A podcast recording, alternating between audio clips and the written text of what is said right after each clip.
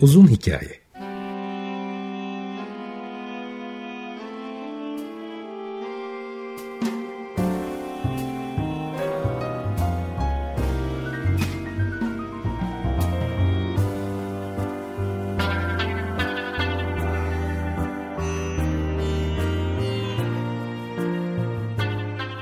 Hazırlayan ve sunan Muzaffer Çorlu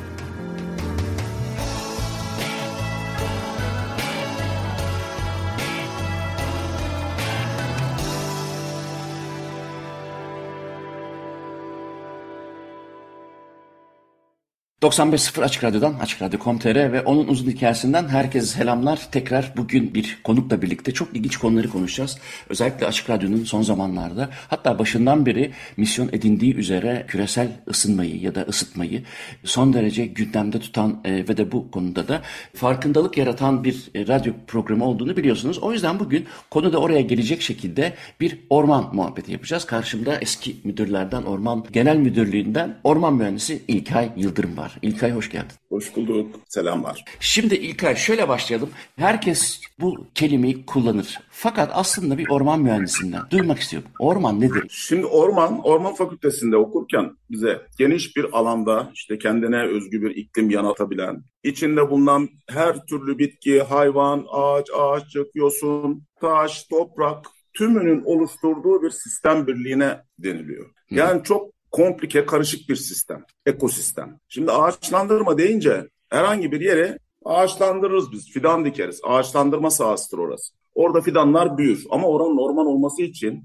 en az iki kuşak, üç kuşak geçmesi gerekiyor ki kuşak dediğimiz 100-120 yıldır. Yani 300-400 yıl gibi bir süreden sonra oranın ormanlığından söz edebiliriz. Hmm. Çünkü oraya gelen zararlı bir böcek, zararlı bir mantar kendi zararlısı olmadığı için ormanı yok edip götürebilir, bitirebilir. Orman denmesi için orada böceğin de olması gerekiyor, kuşun da olması gerekiyor, tırtılın da olması gerekiyor. Tümünün birlikte yaşam birliği olması gerekiyor. Mantarın toprak altından ağaçlara bir şeyler vermesi gerekiyor. Ağaçların canlılara bir şeyler vermesi gerekiyor. Sistemin tümüne orman diyoruz biz. Ağaçlandırma dediğimiz zaman herhangi bir yere fidanlandırma anlaşılması gerekiyor. Peki bir şey diyeceğim. Şimdi mesela Türkiye'de ve dünyada özellikle bu yine küresel ısınmayla da e, ilişkili olarak orman yangınları özellikle yaz aylarında çok oluyor.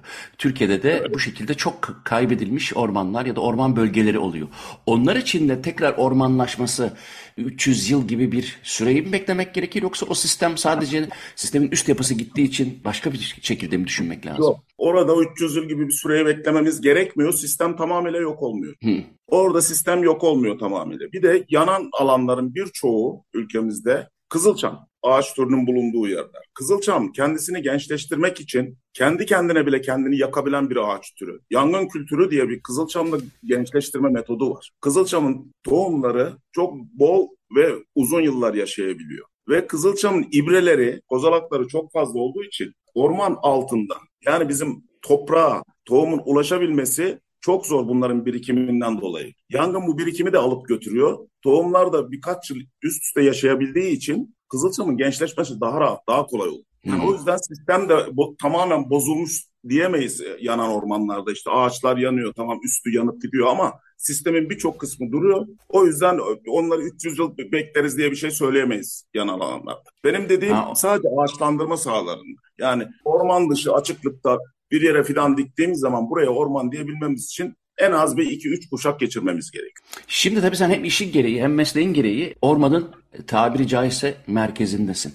Şimdi farkındalık dendiği zaman dünyadaki bütün ülkelerde bazı konularda tam bir farkındalık yaratmak için çok çalışmak gerekir. Örneğin ben sana hazırlanırken bu programda daha önceden rastladığım bir şeyi araştırdım. O da şeydi.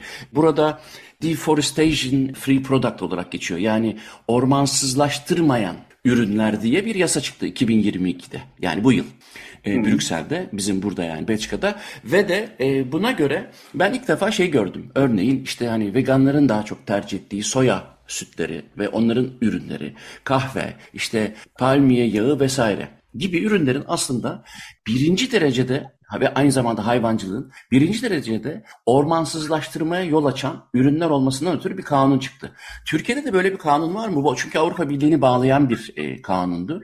Türkiye'de de bir kanun var mı? Ya da bu aslında bilinen bir konu mu? Bir farkındalığı olan bir konu mu? Şimdi konuyu tam anladın mı bilmiyorum. Yani ormansızlaşmanın önüne geçecek bir kanun var Evet. mı Evet. sorusu. Çünkü ha, şu- o soruyu şundan uzattım. Ben yeni gördüğüm için ben Ormansızlaşma- bilmiyordum mesela soyanın, kahvenin, e, hayvancılığın aslında Avrupa'da ciddi şekilde özellikle Güney Amerika'da ve Afrika'da çok önemli orman alanlarını yok ettiklerini bu ürünleri üretmek için. O yüzden çıkmış bu kanun. Ama genelleştirebiliriz. Yani ormansızlaştırmaya karşı bir kanun var mı şeklinde de Var. alabiliriz. Var. Anayasal güvence altında. Ormanlık alanlar, orman alanları azaltılamaz. Anayasal güvence altında. Ama, aması var. Ormanlık alanlar, üzülerek söylüyorum bunu, işte madenlerle, yani birçok maden işletmesinin bulunduğu yerler orman olduğu için maden çıkartma bahanesiyle diyeyim. Ondan sonra turizm bölgelerinde çok kıymetli yerler ormanların içinde olduğu için turizm bölgelerinde. Ormanlık alanlar izin şeklinde, izinle verilerek maalesef ormansızlaşma meydana geliyor. Orman alanı görünürde aslında azalmıyor gibi ama bir yerde maden çalışması yapıldığında düşünebilirsin şöyle bir hayal edebilirsin. Büyük geniş bir mermer ocağını o mermer ocağında mermer çıkarıldıktan sonra maden çalışması bittikten sonra oranın eski haline dönüşmesi imkansız. Yani her ne kadar yasada madenci bunu eski haline dönüştürüp verecek dese bile bunun imkanı yok. İşte altın madenleri konusu var. Türkiye'de biliyorsunuz termik san- santraller var. Bir sürü şey var. Bu dünyanın birçok yerinde de var. Sadece ülkemizde değil. Bunların hemen hemen çoğu ormansızlaşmaya doğru gidiyor. Ama ormanların korunması ile ilgili yasa var mı? Var. Güvence altında mı? Yasal olarak güvence altında. Ama e, anladığım kadarıyla gerek turistik sebeplerle yapılaşmanın gerekse de madenciliğin iki önemli düşmanı, ormanın iki önemli düşmanı olarak görebiliriz o zaman. Özellikle Evet, Türkiye'de. evet. Türkiye'de Orman Genel Müdürlüğü ormanları hazine adına işletiyor. Bir bölge, burası turistik alan, turizm bölgesi ilan edildi denildiği zaman Orman Genel Müdürlüğü oradan çekilmek zorunda. Ondan sonra oraya her şey yapılabiliyor. Türkiye'de yanan alanlarda işte buralara otel yapmak üzere yakılıyor diye. Öyle bir şey öyle bir şey yok. Öyle bir şeye gerek de yok. Otel yapmak isteyen istediği yere zaten gidip izni alıp yapabiliyor. Onu söyleyeyim. Yani yanan bir yere niye otel yapsın ki? Yeşile yapmak varken. Hı hı. Yani e, o zaman e, o kanun nerede kalıyor? Orman duruyor orada, kiralanıyor. Orman ormanlık alan azalmıyor. Anlatabildim mi? Anladım. Çok net anladım. Şimdi peki bu farkındalık konusuna tekrar gireceğim. Çünkü sen aynı zamanda Türkiye Ormancılar Derneği'nin de Eskişehir temsilcisisin. Değil mi? Yanlış mı Evet, biliyorum? Doğru. Şimdi ne iş yapar ki? Türkiye Ormancılar Derneği mesela manifestosu nedir? Bu derneği çünkü ben senin vasıtanla duyduğum için görevleri nelerdir ve de bu hedef, hedeflerine ulaşıyor mu? Nasıl görüyorsun?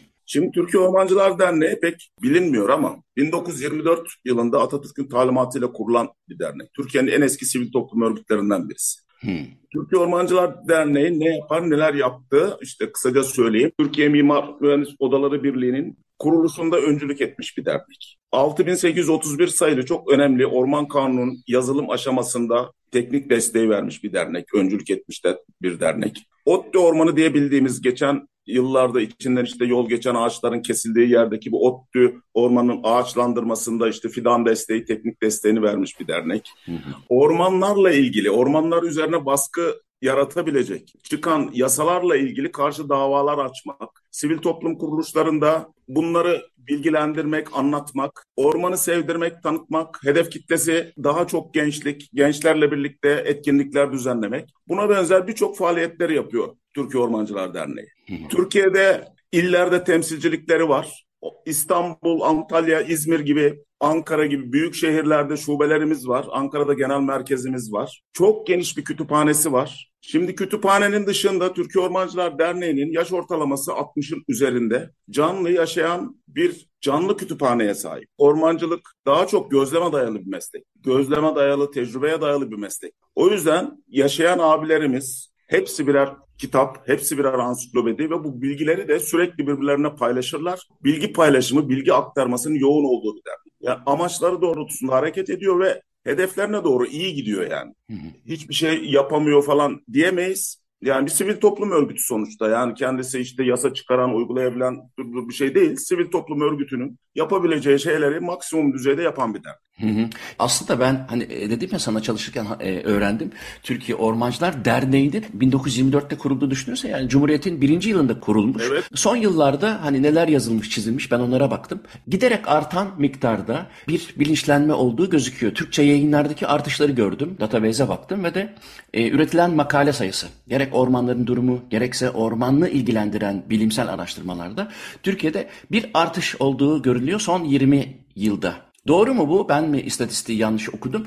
Eğer öyleyse bu pozitif bir şey gibi gözüküyor bilinçlenme açısından. E, katılır mısın evet, buna evet, yoksa da evet. ben dışarıdan bakıp yanlış mı okuyorum? Yok. Yani şimdi araş, araştırma sayısında artış var. Tamam. Bir de bu araştırmaları inceleyenlerin sayısında da bir artış var toplumda. Hı. Yani çevreye karşı insanlarımızın duyarlılığı gittikçe bu kentlerdeki yoğunluktan dolayı artık nefes alamaz duruma gelmelerinden dolayı duyarlılık daha da artmaya başladı. Hatta ekonomik durumu iyi olan insanlar işte şehirlerden çıkıp kenar köylerde, ormana yakın yerlerde işte küçük bağ evleri ya da kendilerine yaşam yerleri almaya çalışıyorlar. Bunun üstünde yoğunluk var. Hobi bahçeleri arttı. Bunların sayısı arttı. Bunlar olunca da insanlar doğayla ilgili daha dikkatli olmaya başladı. Daha duyarlı olmaya başladılar ve Hı. daha çok bilgi talebinde bulunmaya. Bunun karşılığında da işte zaten vardı yayınlar daha da arttı. Peki sosyal me- medyanın bir katkısı var mı? Yani sosyal medya bu bilinçlenmeyi arttıran bir e, mecra mı? Kesinlikle var sosyal medyanın katkısı ama bu, sosyal medyada işte kirli bilgiler de çok dolaşıyor. Hı hı. Kirli bilgi dediğim işte bu yan, özellikle orman yangınlarıyla ilgili bilgiler. Yani Neler ne- yanlış hemen- mesela ben geçen sene e, Gökçe ile beraber e, orman yangınlarını konuşmuştuk. O da bir e, doğa fotoğrafçısı, kuş fotoğrafçısı ama dezenformasyonu bir de bir orman mühendisi olarak senden dinleyelim. Gerçekten nasıl bir yanlış haberleşme oluyor orman Yanlış haberleşme şu. Yani ormanlar kasıtlı üzerine bina yapmak için, otel yapmak için, herhangi bir şey hı. yapmak için yakılmıyor. Diyorlar ki aynı anda neden işte 5 yerde 10 yerde ormanda yangın başlıyor? Niye başlıyor? Yangının oluşması için belli sebepler var. Bu sebepler aynı anda denk geliyor. Yani bir hafta içinde bu sebep bütün Akdeniz kuşağında var. Hı hı. Sıcaklık artmış, rutubet düşmüş, yanıcı madde zaten var orada. Bu şartların tümü oluştuğu zaman yangın birçok yerde başlıyor. Üzerine rüzgar da gelirse eğer söndürülemiyor. Yani bun, bunda art niyet aramanın bir, hiçbir anlamı mantığı yok. Hı. Şimdi bu yanlış anlaşılan konuların en başına geleni bu. Peki izin verirsen orada şunu soracağım. Mesela orada gerçekten de e, benim okuduğum özellikle geçen sene e, ve ondan önceki sene orman yangınlarındaki bu dezenformasyon mu bilmiyorum ama müdahalenin çapsızlığından daha çok bahsediyordu sosyal medyadaki kişiler. Yani neden çıktığı da ilişkin olarak senden aldık e, bilgiyi tamam e, doğrudur. Yani bir sabotajdan e, bahsetmek mümkün olmayabilir. Fakat e, ülkeler kendi güçlerine, stratejilerine göre bu yangınlara müdahale ediyor. Burada bir zafiyet var mı sence? Burada zafiyet şöyle. Şimdi orman yangını büyüdükten sonra biz tepeye ulaştı deriz. Yani tepe yangınına dönüş belli bir hektarı aştıktan sonra zaten o bizim helikopterlerin, uçakların attığı sular damla gibi geliyor oraya. Yani yangında yapılabilecek en iyi şey ilk çıkar çıkmaz, ilk dumanda onun üstüne çöküp yangın durdurulabilirse o zaman başarı sağlar. Ama Hı. aynı anda işte aynı yerde 15-20 tane yangın ol- olunca mecburen güçler bölünüyor. O zaman da gecikme oluyor. Yani bu mutlaka gecikmeden dolayı yangın büyüyor. Her yangın ilk dumanda üstüne gidilebilse tabii ki büyümez. Hı hı, hı. Ama aynı anda da işte 15 yangın çıkınca büyüdüğü oluyor yani ihmal oluyor buralarda. İhmal de demeyeyim yetişememe oluyor yani. Ya- Güçleri dağıtıyorsunuz çünkü.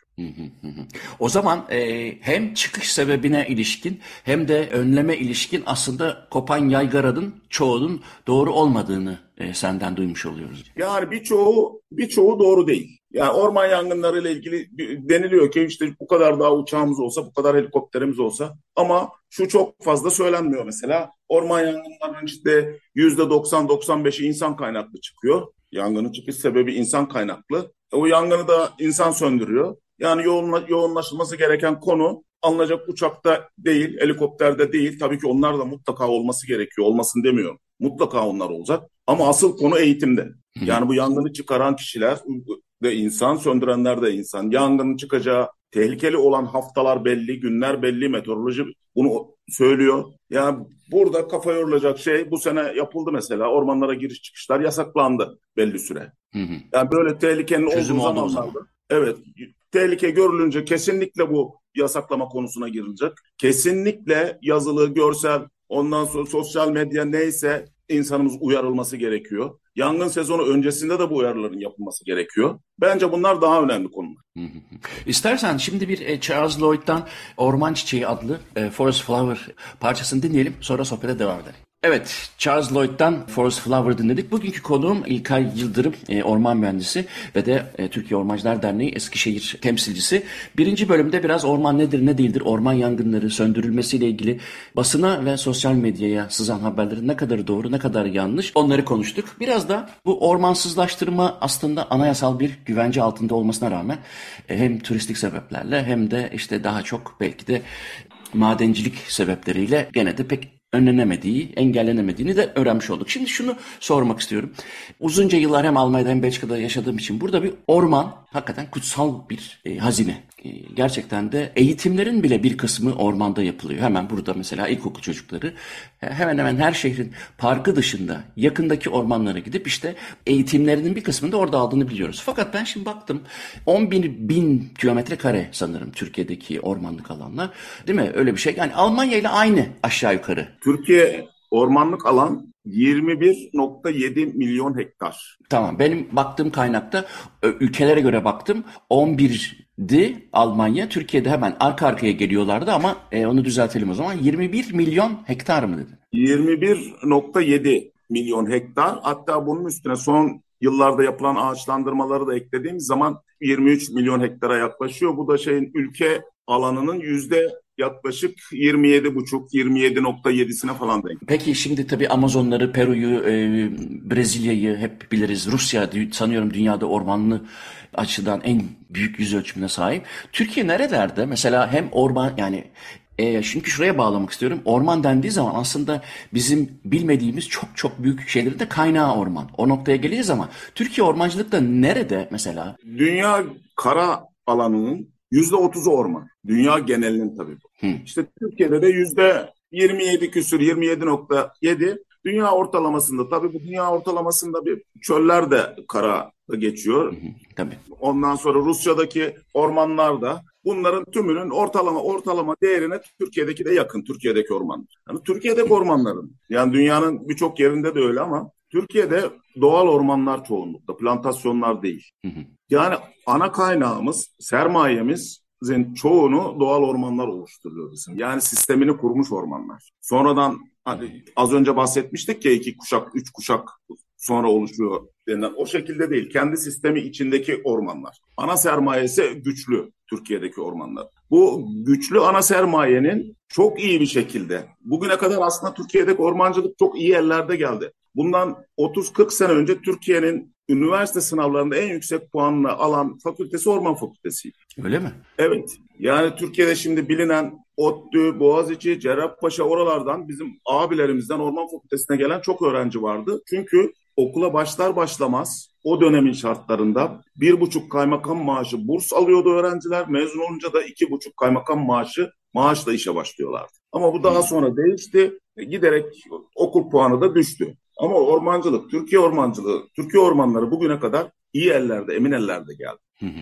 Yani ana sermaye çok fazla zarar verilmedi, zarar görmedi. Çok iyi, çok başarılı ağaçlandırmalar yapıldı geçmiş yıllarda Türkiye'de. Yani bu konuda dünyada dış ülkelerle kesinlikle hiç dış ülkelerin altında kalan çalışmalar yapılmadı Türkiye'de. Bunu söyleyebilirim. Anladım. Peki şimdi şu kaynaklara gelelim. Çünkü seninle önce e, e, daha önce görüştüğümüzde daha doğrusu yazıştığımızda da e, bilinenin dışında orman kaynaklarından bahsedelim istiyorum. Şimdi bilinenin dışında aslında bilin, biliniyor ama gözden kaçıyor. Atıyorum orman parkı ya da işte mesire yeri kavramı. Hiç böyle göz önünde olmayan şeyler değil mi? Bizim eskiden piknik yeri dediğimiz daha sonra bunların adı mesire yeri oldu. Şimdi orman parkı oldu. Mesela Türkiye'de 1800'e yakın orman parkı. Düşünebiliyor musun? Şehirlerde bunalmış, nefes alacak yer arayan insanlar için 1800 orman parkı. Sonra orman bitişiğinde, orman içinde yaşayan... Her şehirde var mı orman parkı Türkiye'de? Var, var tabii var. Her şehirde var. Hatta birden fazla var her şehirde. Mesela İstanbul'du hani İstanbul'daki orman parkları hangileri?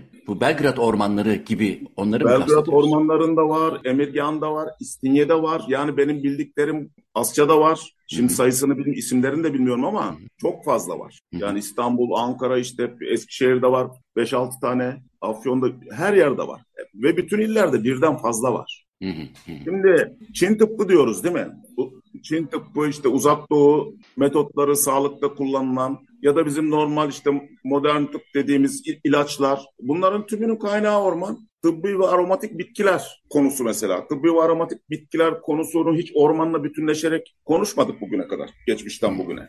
Öyle bir söylendi geçti. Ama bu tıbbi ve aromatik bitkilerin tümünün kaynağı orman. Şimdi bu orman parkları ile ilgili bir şey söyleyeyim. Japonca'da Sihring Yang diyorlar buna. Orman banyosu. Daha önce duydun mu bilmiyorum. Yok değil mi? Bu çok etkileyici ve sonuç alınabilen bir bir tür meditasyon yöntemi. Kardiyovasküler hastalıklarda, kanserde devamlı bunu yapılan kişilerde ölçülebilir iyileşmeler tespit edilmiş ve Japon Sağlık Bakanlığı ile Orman Bakanlığı bunu hükümet programına koymuş. Ha yani sen ondan bahsediyorsun. Şöyle duydum. O yapılan çalışmayı da biliyorum. Mesela hafif depresyon durumunda e, ormanın sesinin ne kadar etkili olabileceği evet. üzerine bir e, araştırma yapılmış. O araştırmada yani düzenli olarak 6 ay boyunca orman sesini günde e, dinlemiş olanlarla dinlememiş olanlar arasında bir çalışma vardı. Çok ilginçti. Dolayısıyla da YouTube'a girip bakarsanız mesela Forest Sound ya da orman sesi e, 10 saatlik 15 saatlik videolar var ki insanlar işte iyi mikrofonlarla çok güzel e, akustize edilerek yani iyi çekilmiş kayıtlarla e, hiç olmasa var sesini duyalım diye e, insanların çok insanın dinlediğini biliyorum. Evet şimdi bir tek ses de değil bu. Tabii, Ormana tabii. basınca toprağın sana geri, geri dönüşü. Ağaçlara sarılman. Ağaca sarıldığında düşünsene ağacın toprakları nereye kadar gidiyor. Evdeki elektrik prizlemelerinin topraklaması gibi düşün. Vücutta ne var ne yok kötü enerjinin tümünü veriyorsun. Doğadan alabildiğin en güzelini alıyorsun. Yani bunlar hiç ormanla ilgili konuşulmayan şeyler bugüne kadar. Tabii o şeyi bilmiyorum onun bilimsel doğruluğunu ama en azından psikolojik olarak insanın kendisini ormanda eğer te- tehlikeler söz konusu değilse iyi hissettiği, sesinin iyi geldiği zaten yapılan çalışmalarda var ama topraklama, işte elektrik atımı onları onları bilemiyorum. Peki şey e, hani tedavi edici yanını bir kenara koyarsak onun ne kadar önemli olduğunu tamam. altını çizdik. Bir de aslında gündelik hayatta kullandığımız bir sürü şeyin kaynağı orman. Öyle değil mi? Yani evet, sadece evet. tahtadan bahsetmiyoruz. Yok on, onlar zaten var. Hani onlar onlar çok biliniyor diye onların üstünde durmadım. Hı hı. Yani görmediğimiz kaynaklarla ilgili konuştum bunları. Mesela bal hı hı. ormanı duyduk mu hiç? Bal ormanı. Yok ben duymadım. Şimdi bal ormanları kuruluyor mesela. Bal ormanları, bal yetiştirme ormanı. Bu ne bunun esprisi? Ormanlık alanda bir noktada arıların çok işte hoşlandığı bitkiler var. Flora çok zengin. Bu, buraya gidiyor ormancılar oradaki floraya destek yaparak daha da zenginleştiriyor orayı. Daha da genişletiyor, zenginleştiriyor. Ondan sonra arıcıların buraya gidip gelmesi için işte yoldur, konaklamadır vesaire buna benzer talepleri yerine getiriyor. Ondan sonra işte bal ormanı adı ve buradan organik bal alıyorsun. Hı hı. Yani düşünebiliyor musun? Organik or, orman balını. Daha sonra da bunu bu balı çok ciddi fiyatlarla satıyor arıcılar. Bazı yerlerde de tek tür balı işte atıyorum akasya balı kestane balı gibi böyle hı hı. belli noktalarda da tek türe bağlı bal ormanları yapılıyor. E, bunlar da çok kıymetli ürünler veriyor. Hı hı. E, bunlar da ormanın hani konuşulmayan şeyleri, faydaları. Hı hı hı. Şimdi şöyle yapalım. Bir Miles Davis Smoke Gets in Your Eyes dinleyelim. Ondan sonra çok büyük bir makro ekosistemden bahsediyoruz. Orman gibi, senin de dediğin gibi karasal alanın yüzde otuzunu kaplayan. E, fakat orada tabii aynı zamanda inanılmaz hayvanlara da ev sahipliği yapan bir e, ekosistemden bahsediyoruz. Hayvanlarla olan ilişkisini de konuşuruz müzikten sonra. Miles Davis, Smoke Gets In Your Eyes dinledik. Orman mühendisi İlkay Yıldırım'la e, orman muhabbeti yapıyoruz. Şimdi tabii orman deyince aslında ülkelere göre değişen haliyle yüz binlerce farklı hayvandan da bahsetmiş oluyoruz. Türkiye'deki orman hayvanları huzurlu ve mutlu mu? Evet, orman alanları huzurlu ve mutlu. Ama her seferinde ama diyoruz. Son yıllarda ormanlarımızın üzerindeki baskı arttı Türkiye'de. Bunlar e, başta da söyledin. Tam olarak onunla ne kastettiğini açabilir misin? Şimdi Ormanların üzerine artan, artan baskı nedir? Başındaki söylediğimle şimdiki söyleyeceğim farklı. Hı hı. Şimdi ormanlarda kabaca söyleyeyim her sene biliyorsunuz ağaçlarda bir çap artımı dediğimiz bizim bir genişleme olur. Bu çap hı hı. artımına oranla ormanlardaki ormanlara yapılan bakım kesimlerinin miktarları belirlenir. Hmm. Ormanlar işte ilk gençlik, sırıklık, ince ağaçlık, normal ağaçlık her çağda kendine uygun bakımlar yapılarak en son yani yeni ormanı kuracağımız döneme kadar geçen bir bakım süreci geçirir. Bu bakım sürecinde ağaçlar kesilir, istenmeyen ağaçlar kesilir. Şimdi ben de bugün şöyle bir göz attım bizim Türkiye'deki Orman Genel Müdürlüğü'nün son yıllardaki kesim miktarlarına 2019 ve 2022 yılları arasında ormanlarda yapılan kesim yaklaşık yüzde otuz artmış. Hmm. Bu yüzde otuz çok ciddi bir rakam. Ormanlarda kesimin artmasının sebebi döviz hareketleri. Şimdi daha önceden Rusya'dan, Ukrayna'dan ithal orman envali geliyordu Türkiye'ye. İthal orman envali hem sunta sanayinin ihtiyacını karşılıyordu hem bizim yurt içindeki diğer keresteye olan ihtiyaç ihtiyacın birçoğu karşılanıyordu bu. Şimdi döviz artınca tüccarlarımız bunu getiremez oldu. Artı döviz artınca bizim yurt içinde üretilen ürün yurt dışına satması daha da kolaylaştı. Bizim ürün yurt dışına çok ucuza gelmeye başladı. O yüzden ormanların üstündeki baskı çok fazla.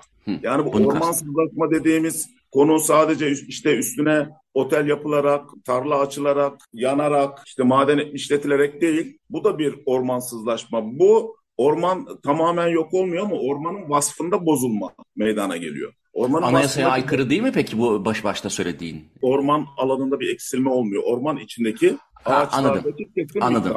artıyor. Tamam. Ama bu artma bu şekilde devam ederse bu baskı, bu baskıyı ormanlarımız kaldıramaz. Yani bu şimdiye kadarki ormanın içindeki canlılar da ormanda hepsi mutluydu. Mutlu mesut geldiler ama bundan sonra bu mutluluk böyle giderse kesinlikle devam etmez. Tehlikeli boyuta gel yani yüzde otuz otuzluk bir e, şeyden bahsediyorsun. Yani, çok ciddi bir miktar evet, değil mi ya? Evet bu çok çok ciddi bir miktar. Yani bir 3-5 yılda yüzde otuzluk bir artış. Çok ciddi miktar bu. Eğer bu artış bu şekilde devam ederse çok tehlikeli boyutlara girer. Hı hı. Vay be. Ee, bir iki olumlu şey görünce heyecanlanmıştım ama bu aslında e, son derece kötü bir haber. Peki bu döviz böyle olduğuna göre e, bu ar kesimde ihtiyaç oranında devam edecektir o zaman. Yani bunun devam etmemesi için yani bu bir devlet politikası olarak denilecek ki buradan daha fazla yıllık kesilemez. Hı hı. Ya da hangi hangi bölgelerden daha çok eksiliği her, var?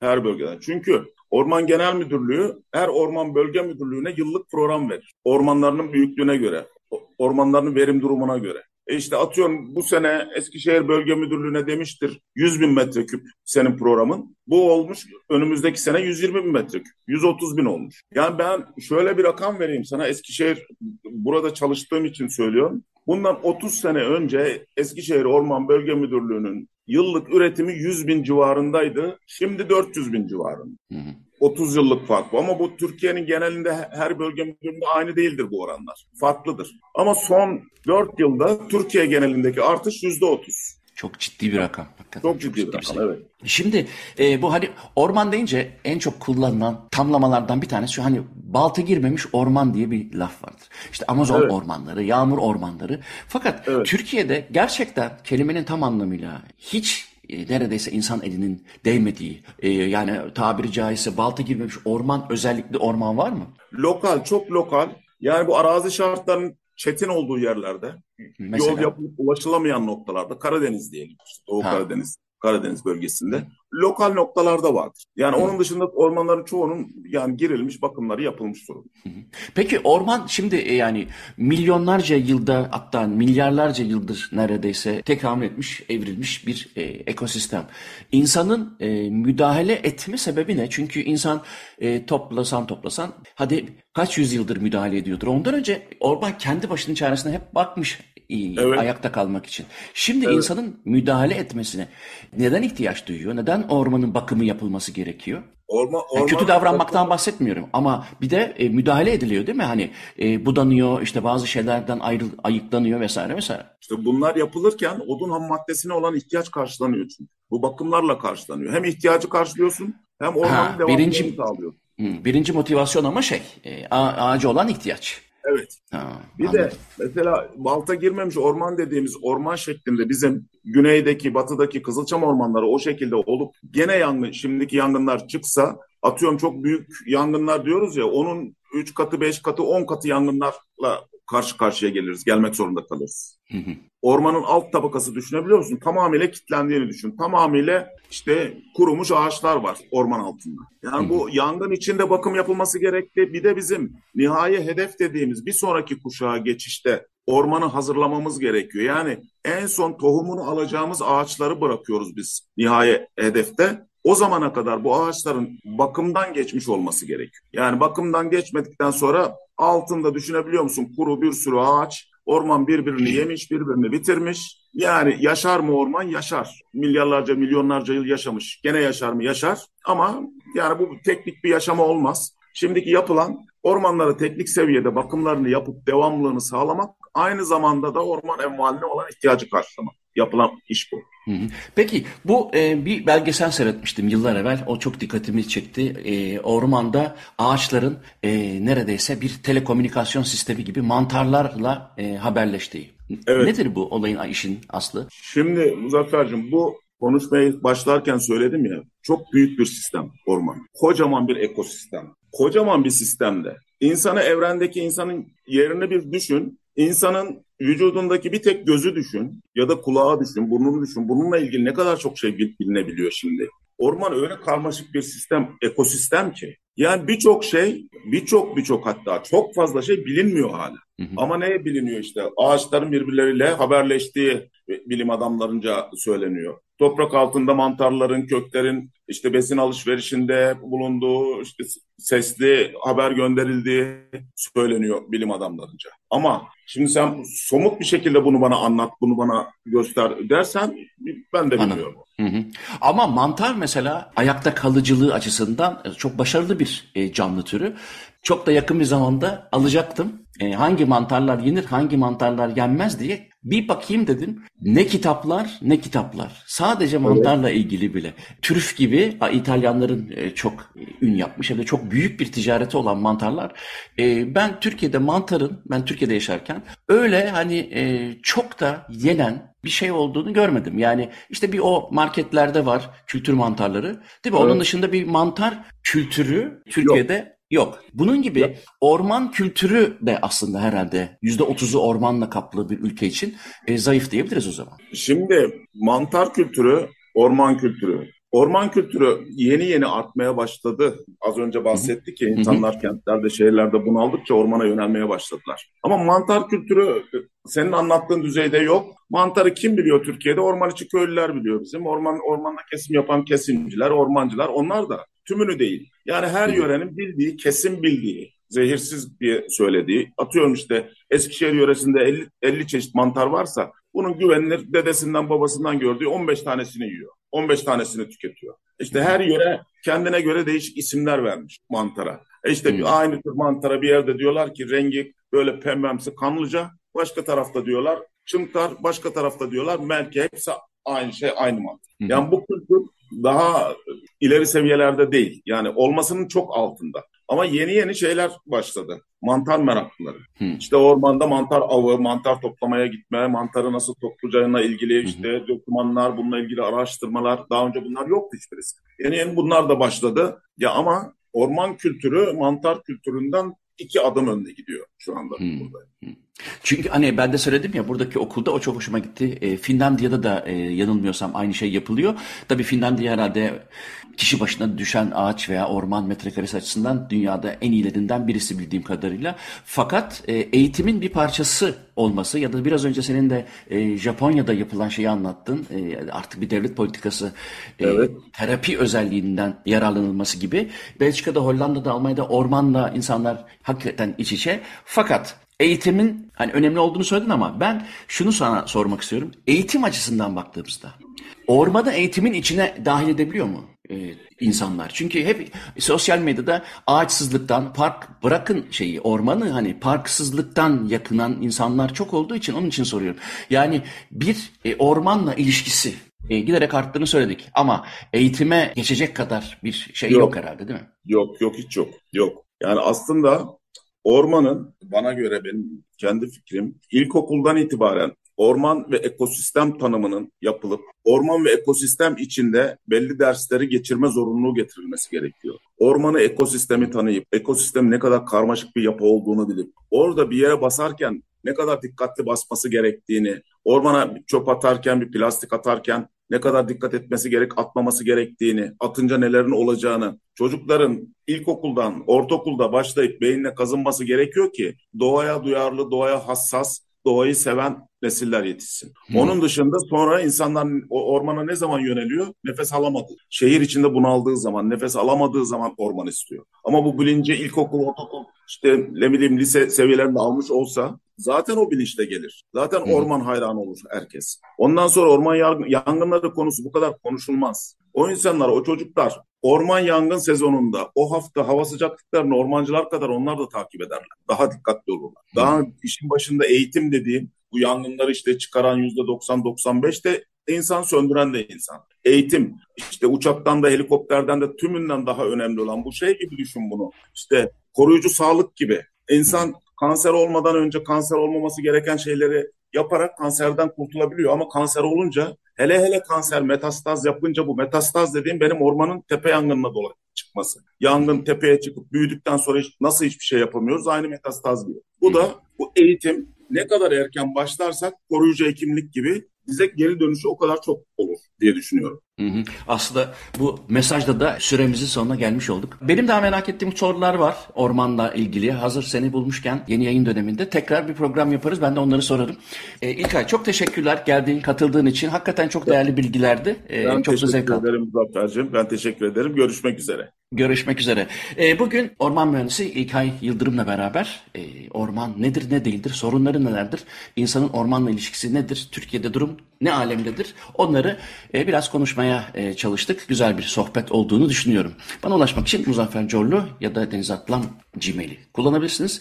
Açık Radyo programı yayınlandıktan sonra Spotify'a koyacak. Ben de e, YouTube kanalıma görüntülü olarak koyacağım. Haftaya görüşürüz. Hepinize günaydın.